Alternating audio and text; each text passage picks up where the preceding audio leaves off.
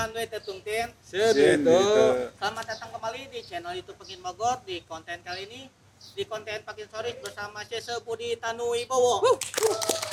Hebat ya kita bisa ngedatengin uh, ketua umum Matakin ya. Ya, betul. Nih, mumpung Ya. ketua umum Matakin datang kita tanya-tanya dulu nih. Kita kan todong, kita ya. anak muda masih belum tahu nih sejarah Hmm. Matakin itu seperti apa. Betul betul. Karena Betul, emang ya? emang emang kita tuh banyak yang buta gitu. Matakin Iya. tuh kapan terbentuknya gitu. Matakin tuh uh, kerjanya seperti apa gitu kan kita kita nggak tahu anak muda nih ya. Iya. Nah makanya kita sekarang bakal kita gali nih. Ya. Ya. Silakan pertanyaan pertama. Apa nih pertanyaan pertamanya? Nah, sejarahnya Matakin itu Ya. seperti apa nih, Pak? Sejarahnya Ya, secara garis besar deh. Ya. kita tahu bahwa agama Konghucu itu masuk ke Indonesia berbarengan dengan imigrasi eh, masyarakat Tionghoa dari mainland China ke sini. Kapan tahunnya? Banyak versi dan tidak tahu mana yang paling tepat, mana yang paling benar. Ada yang mengatakan sejak eh, apa zaman dinasti Han artinya 200 tahun sebelum Masehi sampai 200 tahun sesudah Masehi. Ada yang mengatakan sejak zaman prasejarah. Intinya sudah lama. Namun kalau kita mengacu pada keberadaan Klenteng yang merupakan tempat ibadah, rumah ibadah agama Konghucu yang masih ada, paling tua itu tahun 1293 berbarengan dengan eh, berdirinya kerajaan Majapahit. Jadi kalau dihitung sudah 800 tahun. Atau kalau mau lebih strict lagi eh, berdasarkan kelenteng Konghucu yang paling tua 1450 di Talang Cirebon. Artinya sudah 600 tahunan. Jadi sudah sangat lama. Nah, agama Konghucu ini sebenarnya kan namanya Rujao. Di, di Tiongkok sana namanya Rujao. Ini agama yang dulunya hanya untuk para elit, para bangsawan, para pejabat. Sehingga rakyat hanya tahunya ngikuti saja. Inti ajarannya mereka lah yang eh, memahami dan mengajar. Dan yang kedua, agama ini diturunkan dari turun menurun sehingga tidak diperlukan eh, yang namanya organisasi. Ya. Karena kan ayah adalah ayah rohani dari eh, anak-anaknya. Karena memang mayoritas atau bahkan dikatakan seluruh orang Tionghoa ya Konghucu. Konghucu ya Tionghoa. Jadi memisahkan keduanya itu ibaratnya saya sering mengatakan seperti membelah rambut dengan pisau biasa menjadi tujuh bagian. Jadi Dibelah. dua sisi yang nggak bisa dilepaskan Tidak ya. bisa dilepaskan. Oh, iya. Bicara Tionghoa tidak lepas dari akar budayanya Konghucu. Bicara Konghucu memang sejarahnya hidup di eh, masyarakat atau sejarah Tionghoa meskipun dalam eh, 30 nabinya itu ada yang bukan Tionghoa. Sun Hmm. itu orang Jepang. Wenwang ya? Syai adalah orang Proto Melayu. Wenwang dengan Wenwang dari- Xiaokung adalah orang Parsia. Ya seperti Persia. itu. Nah, artinya tidak dibutuhkan organisasi karena keluarga adalah Konghucu semua. Baru dibutuhkan organisasi ketika apa? Ketika pemahaman Konghucu menjadi pudar karena pengaruh masuknya agama dan budaya lain. Nah, inilah yang membuat masyarakat Tionghoa di Indonesia resah untuk bagaimana memurnikan ajaran agama Konghucu. Nah, semula seperti yang eh, saya katakan tadi, agama Konghucu diturunkan dari keluarga. Mm-mm. Ya, ayah, ibu adalah orang tua rohani juga bagi anak-anaknya. Nah, setelah pengaruh banyak budaya, banyak juga yang pindah keyakinan dan segala macam, dibutuhkan adanya organisasi. Dan lagi pada waktu itu pemahaman Konghucu hanya terbatas pada hal-hal yang berbau mistis atau yang sifatnya ritual. Maka para cendekiawan ini mendirikan perkumpulan Tionghoa Wekwan Tionghoa Wekwan ya ya awalnya 17 eh, Maret tahun 1900 ya dengan ketuanya adalah Hua Keng Hek. Memang tujuan awalnya adalah mendirikan agama Konghucu lewat pendidikan. Tapi sebelumnya pada tahun 1700-an kalau saya nggak salah 1729 sudah ada pesantren Konghucu Oh sudah ada di, pesantren. di Jakarta ya. Tapi mungkin karena itu zaman penjajahan Belanda ya, jadi nggak eh, terikut secara baik eh, sejarahnya bisa mungkin ditelusuri ke Leiden sana kalau ada yang mau. Oh nanti kita susulin ya. Nanti Iya, kita ke sana. iya. Oke oke nanti kita ke sana. Kemudian Tionghoa Wekwan fokus ke pendidikan karena pendidikan dianggap mungkin lebih lebih penting meskipun sifatnya jangka panjang untuk menekankan nilai-nilai Konghucu sehingga sisi keagamanya ini terlupakan sehingga seksi agama di dalam Tionghoa Wekwan merasa resah dan gelisah gitu ya. Mereka kemudian bersepakat untuk mendirikan perkumpulan yang khusus agama. Ya, tapi jangan salah bahwa Matakin yang sekarang kita kenal awalnya itu adalah bukan didirikan dari pu- pusat kemudian bikin cabang-cabang ke daerah, tapi dari bawah. 1900-an masih zaman penjajahan Belanda dan sampai ke Jepang, makin-makin di setiap kota itu ada.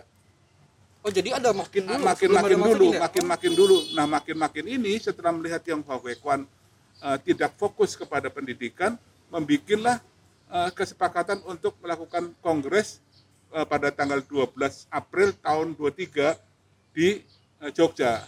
Inilah yang menjadi eh, perkumpulan Kong Kong Kong Kau Chung Hui, artinya Chung Hui. yang pertama dan kemudian berubah nama, berubah nama, berubah nama sampai akhirnya menjadi Matakin.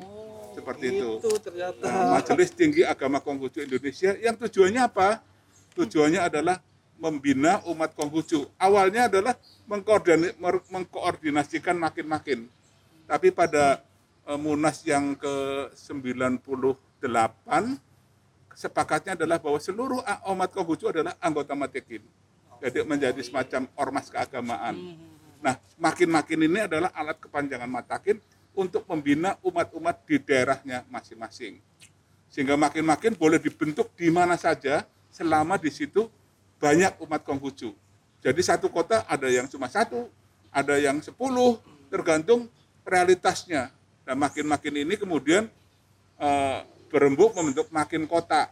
Makin kota atau kabupaten, kemudian berembuk menjadi eh, makin provinsi, matakin provinsi dan matakin provinsi inilah yang kemudian menjadi eh, garis pertama kepanjangan tangan dari matakin. Oh, jadi up ya.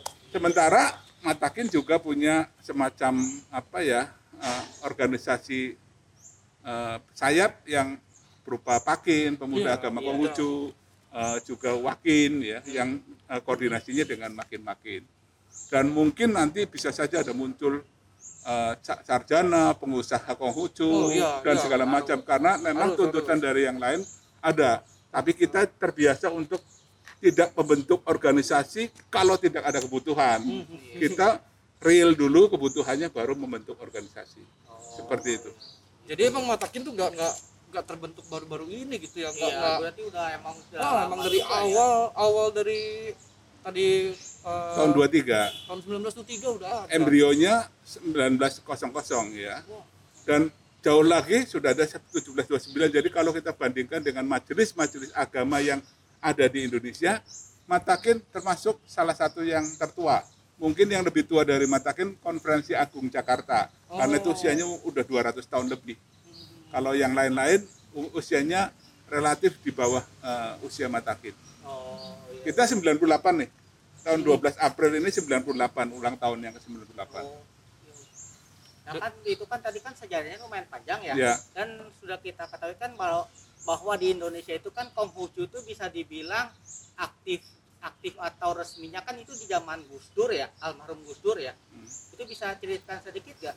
Nah, perjuangannya nih soalnya saya saya Iya, dengar juga perjuangannya. kayaknya kan wah heroik banget lah, epic banget lah itu untuk memperjuangkannya. Nah ini gimana nih Pak Budi ceritanya nih? Jadi gini sebenarnya bahwa Gus Dur itu berjasa besar memulihkan kembali Oh, ajaran Konghucu. ya. Iya. Karena agama Konghucu ini sudah punya matakin sejak 1923 Hmm. ya. Jauh sebelum Indonesia merdeka. Memang sempat mengalami kevakuman ketika zaman Jepang. Ya, karena Oh. setengahnya dilarang karena dianggap pro republik. Ya. Hmm, Nah, kita tahu banyak eh, pejuang-pejuang eh, Indonesia yang kebetulan beragama Konghucu. Contohnya misalkan Lim Kun Hyun pernah menjadi anggota semacam makin lah di Surabaya. Nah, kemudian Lee Chong Ho juga eh, tokoh Konghucu. Kedua beliau ini adalah anggota BPUPK, Badan. Persiapan Usaha. Oh, Iya. iya, iya, iya. Kemudian ada dua lagi yang kita nggak belum belum menemukan bahwa dia Konghucu atau tidak. Terus kemudian kalau tahu sejarah proklamasi ada Cheo Kisyong yang di Rengas Dengklok itu, Oh, itu iya, Konghucu. Ya. Oh, iya, rumah, iya. rumah yang dipakai buat mengasihkan Iya, itu itu umat Konghucu ya kuburannya kemarin baru kami pugar ya. Jadi banyak tokoh-tokoh Konghucu karena boleh dikatakan Tionghoa ya Konghucu, Konghucu ya Tionghoa gitu Oh, seperti iya, itu. Jadi kita sudah lama berjuang dan bahkan ketika Presiden Soekarno baru memerintah atau Indonesia baru merdeka 10 bulan, 18 Juni sudah ada empat hari libur. Iya. Libur Empat hari termasuk libur eh, hari lahir, hari lahir Nabi Ya, juga masuk ya? Imlek sama Cengbeng, ya. Dan hari lahirnya Konghucu sama hari wafatnya. Iya, Ini dulu artinya jadi- negara sudah ada pengakuan. Hmm, Iya, iya. negara sudah ada pengakuan. Jadi dan kemudian tahun eh, eh, tahu Undang-Undang Nomor 1 PNPS tahun 65 menyebutkan bahwa Islam, Kristen, Katolik, Hindu, Buddha dan Konfusius atau Konghucu adalah salah satu agama yang banyak dipeluk umat manusia di Indonesia, umat penduduk Indonesia. Ya, seperti itu. Dan bahkan saya kan kelahiran tahun 60 ya tahun 60 jadi usia saya 61 sekarang. Ketika saya SMP tahun 73 sampai 75 full pelajaran agama Konghucu di sekolah negeri Oh, udah ada itu dulu. sudah ada ya sekolah negeri SMP 5 Tegal atau SMP Kongkuan Tegal dan di SMP lain juga ada dan bahkan mayoritas Oh, mayoritas. di mayoritas negeri. iya, mayoritas. iya karena kebetulan sekolah itu memang mayoritas orang Tionghoa Oh. Nah, dari itu kira-kira lebih dari 50% adalah agamanya Konghucu. Dan itu terus sampai kelas 1 sampai kelas 3 bahkan ketika SMA negeri 1 SMA satu-satunya di Kota Tegal pada waktu itu SMA negeri saya sampai kelas 2 penuh pelajarannya agama Konghucu. Ya, tapi ketika tahun 78 keluarlah eh, apa surat edaran Menteri Dalam Negeri pada waktu itu Pak Amir Mahfud yang mengatakan bahwa di KTP agama hanya ada lima. Islam, Kristen, Katolik, Hindu, Buddha di luar itu harus minus Oh, strip. strip atau milih agama yang lima itu salah satu. Sehingga saya sendiri bisa ganti-ganti itu agama. Oh, benar, ganti-ganti. Tergantung moodnya di mana gitu ya. Karena menyangkut pelajaran di sekolah kan. Oh. ya, itu. Sehingga saya pernah mengalami mendapat pelajaran lima agama plus satu pengalaman agama Hindu. Jadi enam-enamnya saya sudah pernah mendapatkan Oh. pengetahuan meskipun mungkin tidak mendalam ya, seperti itu. Jadi kalau ditanya agamanya apa, Bhinneka Tunggal Ika ya? Agamanya Pada waktu itu, pada waktu itu ya. Dan eh, apa agama saya sendiri pertama dari SD bukan Konghucu. Ya, bukan Oh, Konghucu. dari dari SD bukan Konghucu. Bukan, agama saya di rapot adalah Kristen. Oh, Ya, Kristen tapi di sekolahan saya sekolahannya di pinggiran Tegal, saya apa ya mendapat pelajaran Islam karena yang ada waktu itu hanya Islam di SD saya. oh. Ya, jadi kemudian sambil di, di rumah sering ke katedral juga karena tetangganya itu memang orang yang menganggap saya adik itu tokoh Katolik. Baru SMP saya ikut Konghucu sampai SMA. Setelah itu karena Konghucunya nggak boleh saya pindah Buddha sampai di IPB Oh, PB. sampai di IPB eh, IPB kelas 4 penelitian di Bali ya belajar belajar sedikit Hindu, Hindu. ya Hindu sampai kemudian Munas Enteos tahun 93 saya balik lagi ke Konghucu gitu Konghucu lagi. ya. nah ini eh, jadi eh, bukan Gus Dur yang meresmikan agama Konghucu Dur adalah ya? memulihkan Oh, memulihkan. memulihkan Memulihkan, dari ya. kebekuan karena Bung Karno sudah sudah menetapkan eh, di undang-undang eh, undang-undang PNPS tahun 65 kemudian bahkan ketika Munas keberapa itu Pak Harto memberikan sambutan Oh, Pak Harto sendiri. iya tertulis tapi yang dibacakan oleh Gubernur Jawa Tengah Munadi pada waktu itu karena kongresnya di Jawa Tengah nah tapi bahkan kita sudah mendapatkan kapling di Taman Mini ya tahun 74 kan Taman Mini 20 April tahun 74 apa 75 kita sudah dapat kapling di Taman Mini tapi di tengah jalan di stop Oh, sebenarnya hak dari Kung Myo Iya, itu ya, udah kalau kita lama lihat di ya. Taman Mini itu ada Islam, Kristen, Katolik, Hindu, Buddha, sebenarnya Konghucu. Tapi karena Konghucunya dibatalkan menjadi tempat eh, padepokan Samber Nyawa. Oh, harusnya di sana. harusnya kita di Harusnya di ya sana. Ya, makanya bereret gitu kan, lima Iya, ada iya, satu. iya. Cuma satu doang nih di sini. Iya. Nah, ini baru pulih ketika tahun 2009. Kita dikasih eh, tempat yang meskipun relatif lebih kecil tapi di paling depan ini sekarang. Ya, iya, Ya, benar, benar. paling depan seperti itu. Jadi selalu ada ada hikmah lah. Iya, ada Jadi hikmah ketika Pak Harto pun awal-awal masih membolehkan bahkan memberikan kapling. Hmm. Tapi entah kenapa tahun 78 menjadi tidak boleh dan ketika Pak Harto akhir kami eh, saya sudah di dalam matakin Pak Chandra ada Pak Wawan Pak Bingki membuat satu yayasan yang namanya Nur Kebajikan dengan ketuanya Pak Bondan. Nah Gus Dur terlibat bahwa yayasan itu memang namanya Nur. Nur itu kan cahaya Cahaya. ilahi dalam bahasa, eh, bahasa Islam. Kebajikan itu kosakata yang paling sering paling- diucapkan dalam agama Konghucu Konghucu banget lah ya. ya Konghucu banget itu tujuannya bagaimana yayasan ini memulihkan kembali ajaran Konghucu. Hmm. bahkan beliau sampai hadir di pernikahannya Budi dan Lani yang pernikahan tidak boleh itu tidak boleh dicatatkan secara Konghucu untuk memperjuangkannya. Sehingga Gus Dur ketika jadi presiden sudah paham betul. Paham betul bahwa Konghucu diperlakukan diskriminatif oleh negara. Meskipun tidak dilarang tapi dibatasi. Imleknya dibatasi. Bahkan ketika saya sekolah pas Imlek disuruh ulangan Iya, Ya, biasanya suruh ulang. bertepatan sama THB ya. Ya diulang enggak, kalaupun enggak THB suruh ulangan lah, seperti itu. Nah akhirnya apa?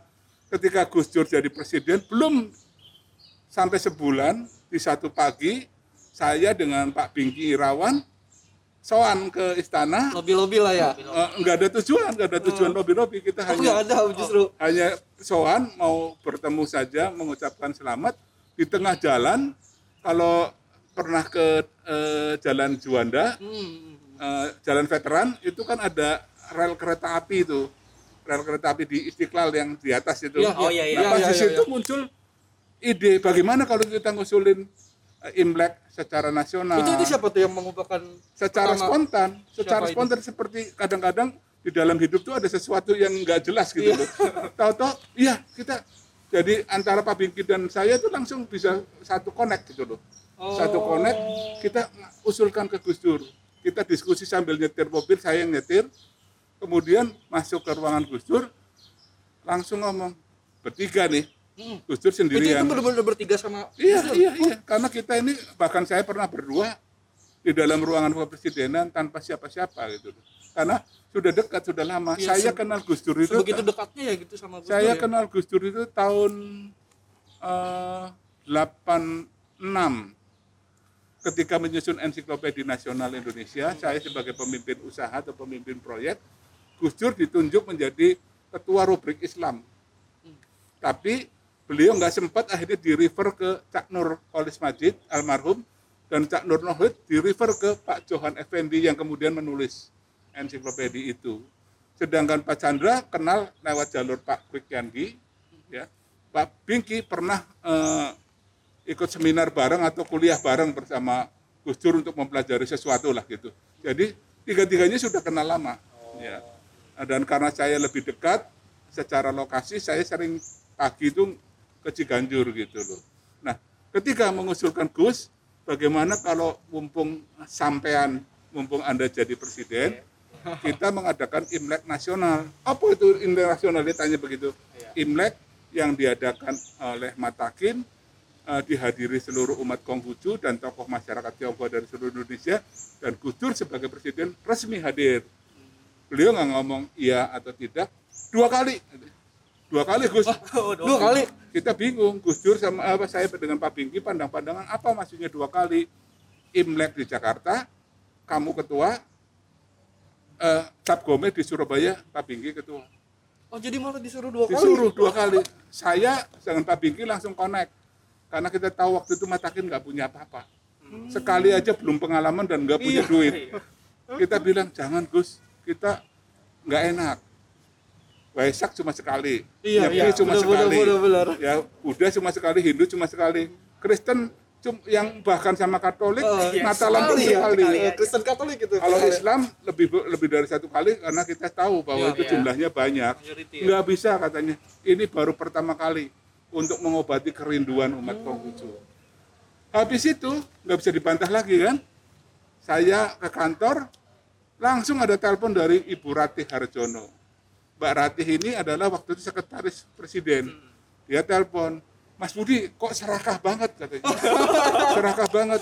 malah dikira Iya, kenapa serakah? Ya, yang lain ya? sekali kok sampai dua kali. Mbak jangan salah paham, saya juga maunya sekali. Memang yang enak dua kali berat gitu. Kalau. Silakan kalau nggak percaya, silakan tel- eh, ngomong sama mbahmu. Aku bilang gitu. Mbah, Mbah itu kan kakek kakekmu. Dia bilang ternyata Gus Dur nggak mau. Dan ketika kami hadir lagi kali ini ditemani bertiga sama Pak Chandra, Pak Bingki. Pak Chandra kan ketua umum waktu itu. Pak Bingki ketua Jawa Tengah, eh, Jawa Timur, saya sekretaris umum waktu itu. Ngadep lagi Gus, ternyata izinnya bermasalah. Kenapa izinnya bermasalah? Karena ada Inpres 14 tahun 67 oh yang belum dicabut. Yang belum mencabut. belum dicabut. Ah, gampang nanti gue beresin gampang. Gampang nanti saya beres. Ternyata dia memanggil Pak Seknek itu saya lupa namanya Pak Ali siapa? Pak Ali Rahman. Kemudian eh, eh, sekretaris Presiden Pak Bondan Gunawan sekretaris apalagi Pak Marsiram Simanjuntak ditambah Pak Johan sama Pak Yusril sama Hendra dibereskan lah keluarlah Kepres nomor 6 tahun 2000 ya. Terus saya minta Gus Imleknya bisa nggak Imlek nasional? Nanti dulu katanya. Udah terlalu banyak libur. Sudah terlalu banyak libur karena eh, apa?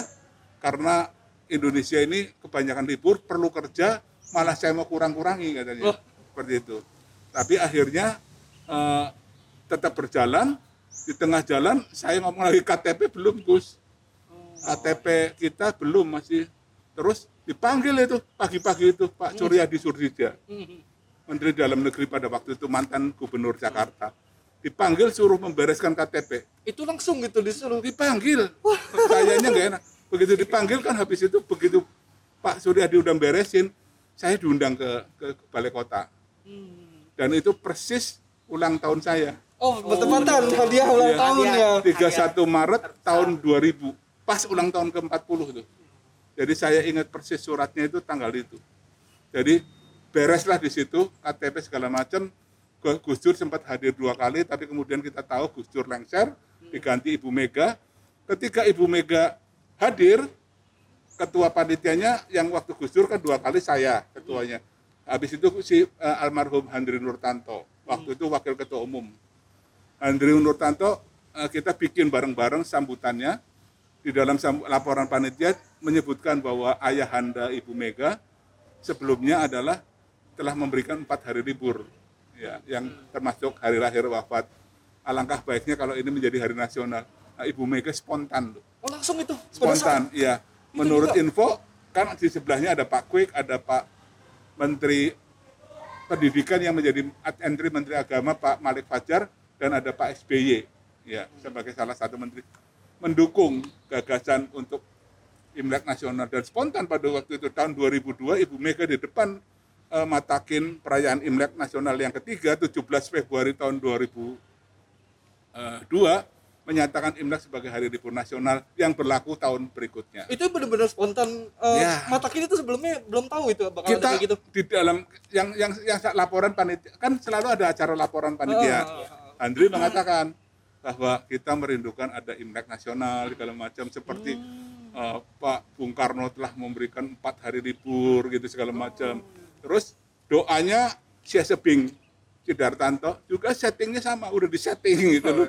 Kita mengharap di situ. Kita mengusulkan tapi bukan Imlek nasional bukan. Gayanya pakai kalimat-kalimat puisi gitu loh. Seperti iya, itu. iya, iya, iya. Langsung Ibu Mega merasa itu penting dan memang sejarah membuktikan bahwa memang itu sudah pernah terjadi gitu loh. Sehingga tak di situ tapi Ibu Mega lengser diganti Pak SBY semuanya tuh beresin. Kung Miao boleh Iya. berdiri, bahkan beliau meresmikan Iya, dengan meresmikan menanam ya, pohon. pohon. Kemudian eh, apa KTP yang semula tersendat-sendat dilancarkan, ada di, eh, ada dikasih dirjen zaman Pak SBY meskipun iya, iya. belum ada orangnya. Kemudian apa pendidikan di sekolah, buku-buku semua jadi dipulihkan perlahan-lahan.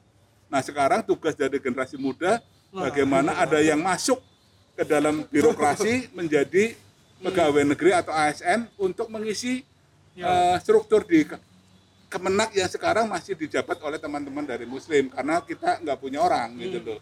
Seperti itu. Jadi ke depan seharusnya makin makin baik gitu seperti itu. Tuh, belum belum kita tanya pun udah diwanti-wanti ya sama ketua ya ini tugas pemuda tuh apa itu? Udah jelas tuh tadi ya. masuk karena eh, generasi Pak Chandra, Pak Wawan, saya itu generasi yang sedikit.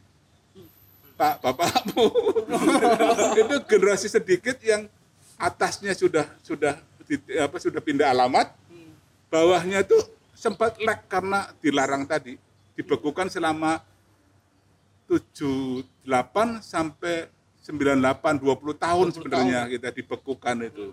Ah, secara legal sejak tahun 67 tapi efektif 78.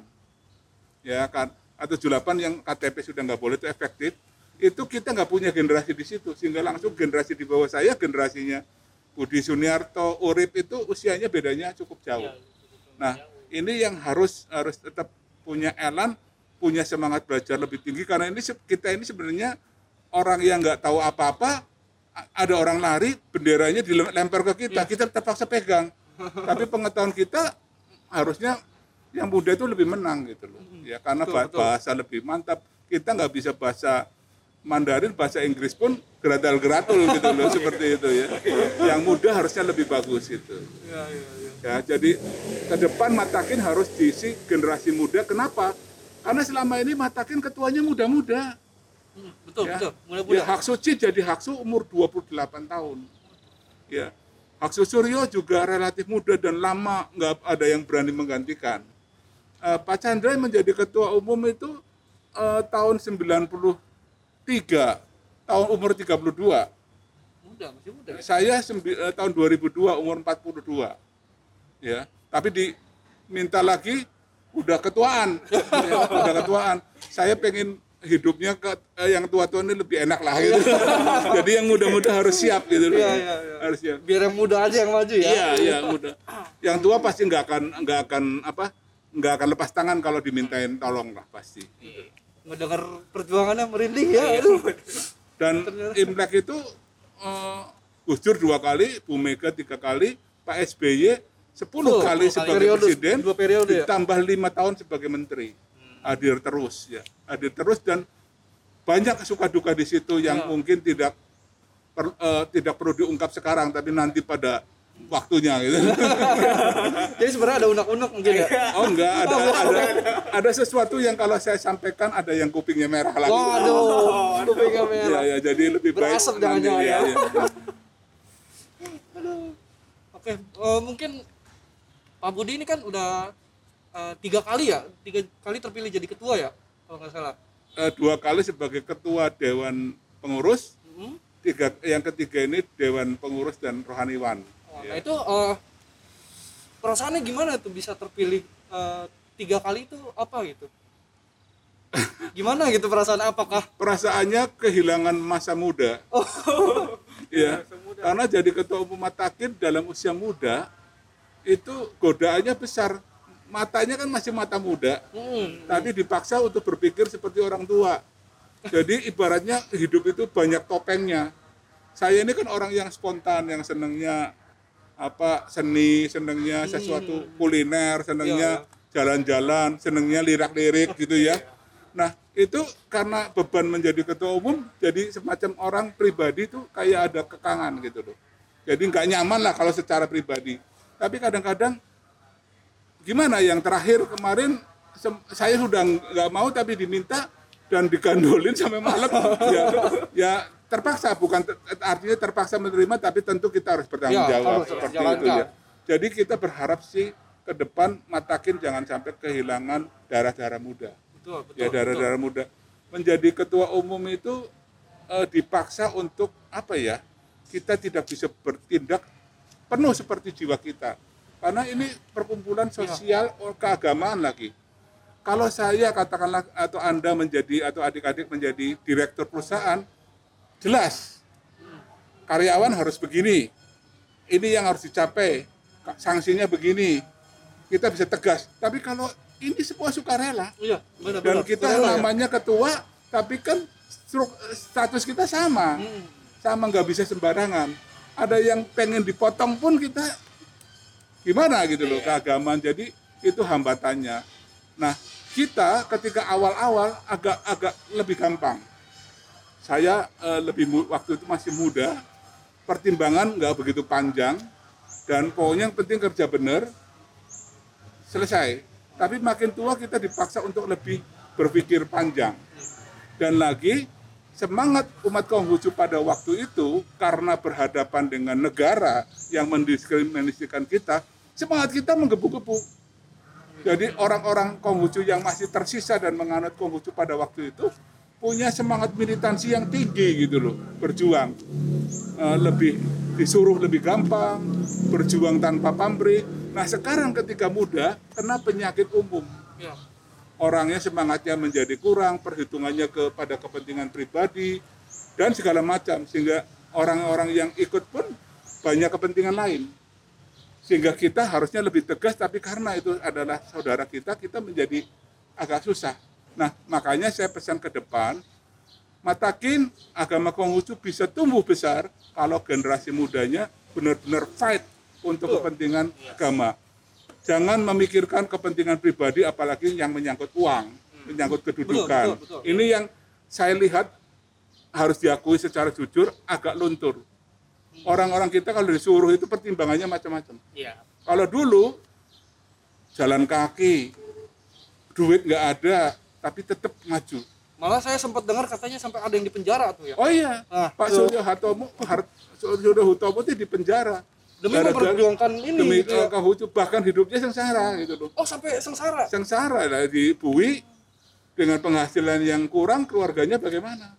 Demikian juga para senior kita dulu banyak ya seperti itu. Mem- Memang tidak dibui tapi tapi Iya, iya, secara ekonomi menderita. Sekarang masih ada yang kayak gitu, tapi banyak yang sudah hitung-hitungan.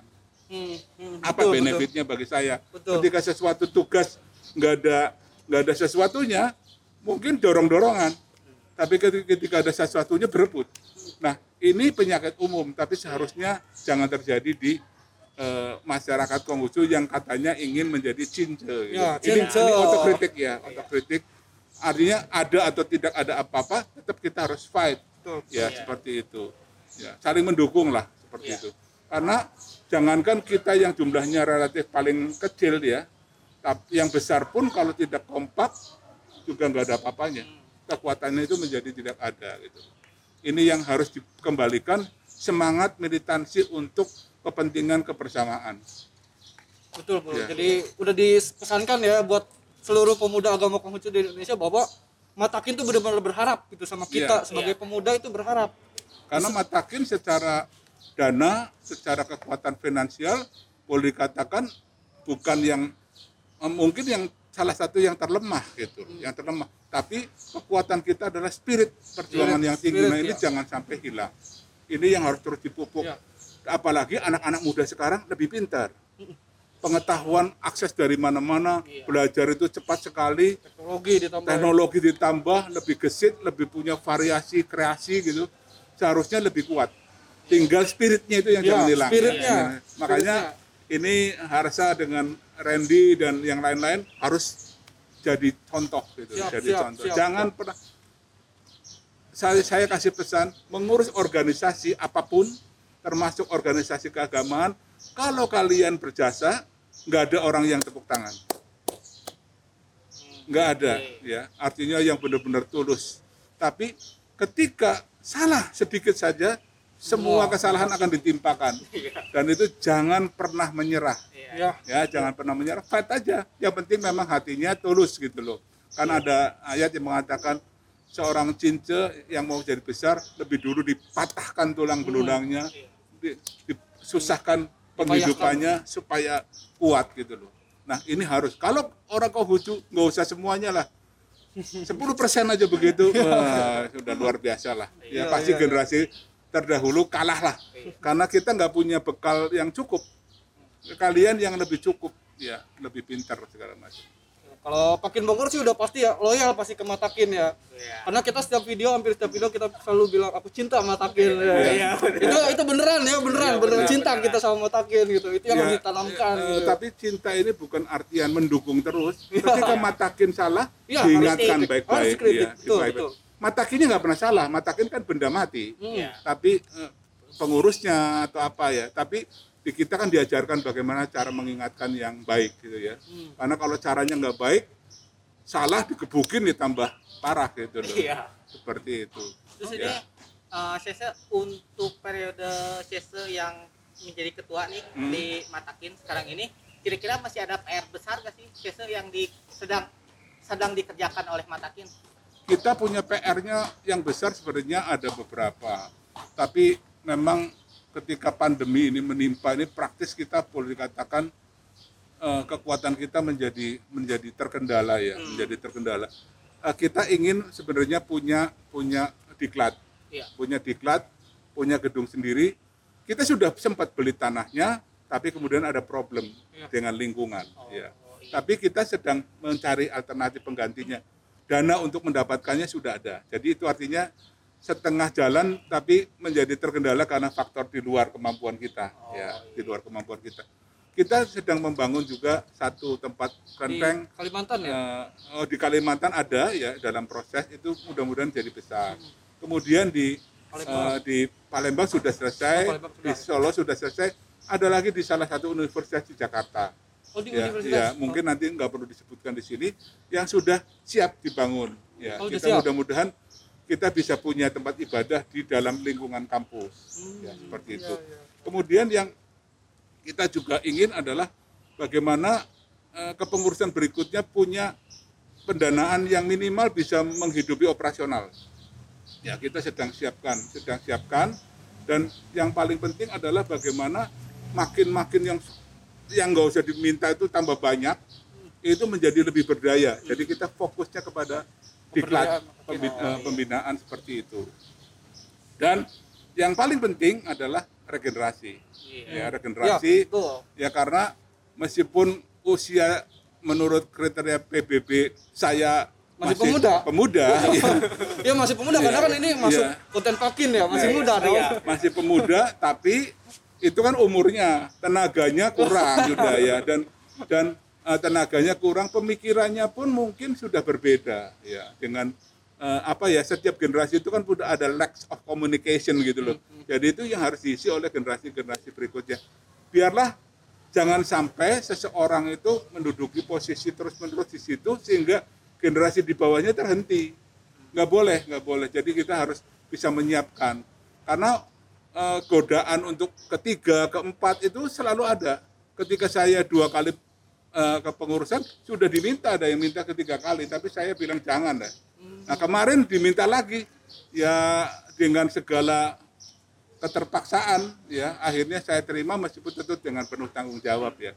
Nah ke depan ini harus benar-benar siap nih yang muda. Ya, karena setiap generasi harus punya tes, punya selera, punya kepemimpinan yang harus berbeda. Iya. Kalau enggak dunia akan berhenti berputar Iya, gitu, betul, seperti betul. itu. Jadi tugas utama bagaimana yang muda itu siap. Ya tentu yang tua akan akan melihat, membantu, bukan ikut campur tangan ya seperti itu. Iya. Oke, kalau dari obrolan tadi sih yang saya tangkap bahwa Pak Budi dan khususnya Matakin ini punya harapan besar dengan pemuda ya. Ya ya ya. Eh, Pemuda pandangan dan perempuan. Oh perempuan juga tuh ya terutama Iya, ya. iya. Karena salah satu keunggulan agama Konghucu punya nabi perempuan. Iya. Ya, punya nabi Kiki. perempuan, punya eh, Nua, punya Nua. Lecu, termasuk Ibu Yang Cengcai gitu ya. Cengcai. Nah, Nua itu kan luar biasa bisa menetapkan hukum pernikahan. Sehingga kita Yang jelas ayahnya ya. siapa. Ya, Lecu menemukan cara berpakaian dan Li kan seperti itu itu luar biasa. Dan ingat tokoh terbesar di dalam agama Ru Konghucu sendiri dididik oleh seorang perempuan. Ayahnya meninggal ketika meninggal. beliau masih tiga tahun. tiga tahun. Jadi saya lihat tokoh-tokoh besar dalam sejarah peradaban manusia banyak yang hanya dididik oleh mamanya. Karena mamanya itu apa memberi penguatan kalau ayahnya bisa mendidik tapi kalau ibunya itu bukan hanya mendidik tapi memberikan support cinta kasih yang luar biasa. Termasuk apa ya spirit lewat air susu dan segala macam itu kan menyatu gitu.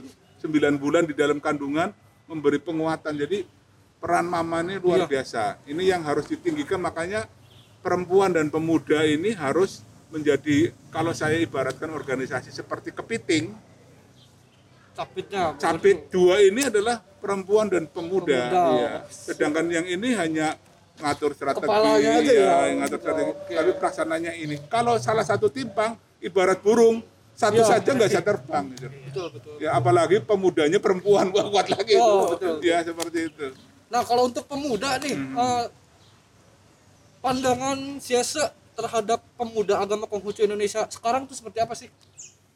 Kalau dari kualitas kemampuan, saya boleh berbangga mereka bisa bersaing secara positif ya. Hmm, hmm. Artinya kalau dibandingkan dengan komunitas yang lain, kita bukan yang paling bawah lah. Kita punya kemampuan. Mungkin sedikit di sana sini belum merata saja, karena Indonesia kan luas. umat Konghucu ini kan juga ada di mana-mana, ada di 34 provinsi, meskipun mungkin di provinsi tertentu hanya sedikit, tapi punya kemampuan, keberanian, bagus, pengetahuan IT nggak kalah, Ya. ya maka saya minta pacu terus eh, apa ciptaan lagu-lagu tayangkan di YouTube Ya. ciptaan puisi karena Nabi Konghucu ini kan Ya. budayawan punya puisi yang luar biasa ya.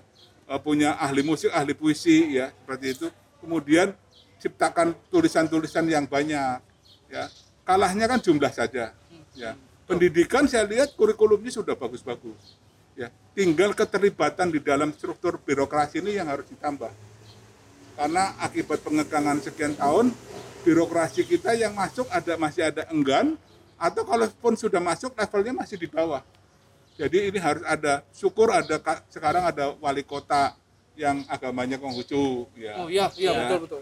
meskipun ditulis satu sebenarnya kan ada dua gitu ya. Ada ada be- ada beberapa yang agama Konghucu. Cuma saya sel- terus terang selalu was was ya dulu pertama Iya, kali berjuang saya mengatakan jika ada koruptor yang beragama Konghucu potong leher saya. Aduh. ya. Karena apa? Karena kalau nggak percaya lihat KTP-nya Karena emang nggak ada, nggak ada.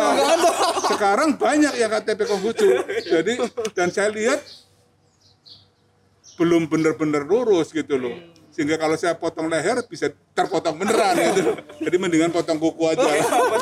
Nah ini adalah sindiran bagi kita introspeksi bagi kita bahwa ketika kita dipulihkan kita buktikan bahwa kehadiran kita menambah mengurangi. kalau kita nggak hadir mengurangi gitu jangan sebaliknya hadir tidak menambah pergi pun tidak mengurangi ini cilaka nih kalau seperti ini maka tantangan bagi generasi muda untuk terus belajar bukan hanya belajar ilmu pengetahuan tapi budi pekertinya tapi saya percaya bahwa perubahan dunia di tangan anak muda Ya.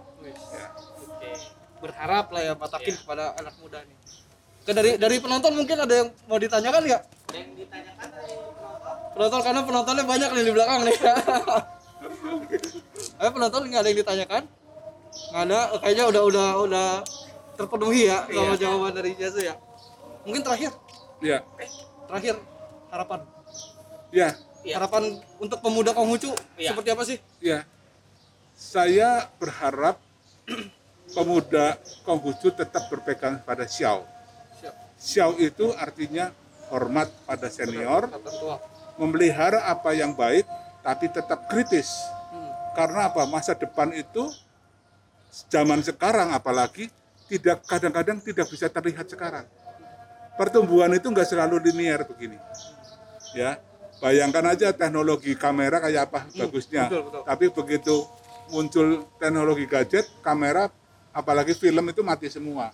Jadi sesuatu yang nggak terduga-duga muncul. Kalau sekarang saya bikin buku tentang komputer, besok mungkin sudah basi karena muncul yang baru. Jadi tetap kritis dalam arti jangan terpaku pada apa yang terjadi dulu, lihatlah masa depan dengan kacamata terbuka, tapi secara spirit, hormat, xiao, berbakti, loyal, bisa dipercaya, tetap dijaga, kejujuran tetap dijaga. Tapi yang lain-lain, keberanian harus ditambah, tapi keberanian bukan karena nekat, keberanian yang diperhitungkan, ketulusan harus ditambah karena resiko berhasil dan gagal zaman sekarang itu sangat besar. Perusahaan hari ini tumbuh, besok bisa nyungsep. Hari ini nyungsep, besok bisa tumbuh. Kalau orangnya mudah galau, celaka. Ya. Dan C, pengetahuan itu harus diperkaya dan dibiarkan terbuka dan jangan menganggap sesuatu yang benar itu pasti benar. Karena kebenaran yang zaman sekarang, peluang zaman sekarang bisa cepat sekali berubah. Jadi intinya cerenyong harus ditingkatkan. Pengetahuan C-nya harus diperdalam, rennya ketulusannya harus ditambah, keberaniannya harus lebih berani, tapi dengan perhitungan dan ke- kejujuran. Nah, jadi resepnya Nabi Kongju tetap berlaku, tapi modifikasi diperlukan. Ya, seperti itu. Dan bersikap, kita kan Nabi punya banyak murid ya, 3000. Ada yang seperti Yan Yuen, semangat belajar. Tapi dia jadi kutu buku. Semangat belajarnya kita ambil, eh, minat yang lainnya harus dibuka. Cincu, sangat berbakti. Berbaktinya tetap diambil, pikirannya harus terbuka, Celu, harus berani. harus celuk, beraninya harus dihitung, jangan asal berani gitu. Tapi gunakanlah ilmunya cikung, cukong, cukong itu luas gitu loh. Dalam hidup itu butuh orang-orang yang luas, yang bisa berubah tanpa eh, apa meninggalkan kebenaran. Jadi bisa lentur tapi tetap benar gitu. Ini perlu. Jadi gabungan empat ini ditambah rasa percaya dirinya mengce. Nah, lima ini boleh syukur-syukur kalau bisa seperti Nabi, tapi susah lah ya. Susah, susah. Yang lima ini dulu deh. Lima. Karena kalau Nabi itu sudah sudah diakui sejak manusia ada sampai sekarang belum ada yang bisa seperti dia. Tapi siapa tahu harusnya bisa gitu. Ya, nggak tahu seperti itu. Sancai, sancai mudah-mudahan. Atau Randy ya, Randy nggak bakalan. mungkin mungkin jalannya yang berbeda, mungkin Jalannya bisa. Iya, iya, iya. Susah sih memang ya kita. Iya. Saya orang yang sangat logik. Ketika saya mempelajari Konghucu, saya nggak percaya begitu saja. Banyak ayat yang saya bantah, tapi pelan-pelan kemudian saya sadar bahwa yang saya bantah itu ternyata saya salah semua. gitu. Ya. Jadi ayat Nabi itu memang benar semua. Iya, gitu. bener semua ya. Oke. oke gimana Oke, Tutup mungkin-. Sekian dari eh, bincang-bincang kita kali ini ya. Banyak banget ilmu yang kita dapat. kalau kata Hermia banyak dagingnya Ya, banyak dagingnya lah ya, betul. Ada jangan lemak doang. ya. banyak daging ya mulai dari sejarah Matakin yang nggak kita tahu terus sejarah agama Konghucu yang ternyata emang udah ada gitu ya dari zaman eh, kemerdekaan itu sudah ada Pra Nah, kemerdekaan. pra ya. kemerdekaan itu sudah ada sampai eh, sampai sekarang ini ya tadi yang kata Sisa bilang semua sudah dimudahkan tapi semangatnya yang harus di Semangat ya. dan berpegang pada kebenaran, kejujuran itu penting. semangat dan keberanian harus ditambah tapi harus tetap berbakti ya berbakti pada yang lebih tua gitu. kita sek- kalau diajarin berbakti katanya alah senangnya orang tua. Tapi ketika kita makin tua kita sadar. Iya. ketika kita di, kurang ajar ya anak kita parah tuh. Saya kan pernah muda kadang-kadang kurang ajar sama orang tua. Tapi begitu saya udah tua lihat anak kurang ajar tuh aduh sakitnya tuh di sini tuh.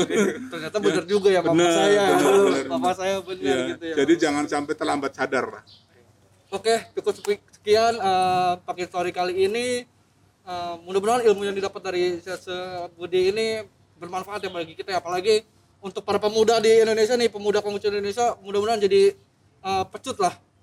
Supaya lebih semangat untuk berkarya. Akhir kata terimalah kembali salam pedugiman kita. Hanya kebajikan Tian berkenan. Waite Tung Tian Sian Yu itu dan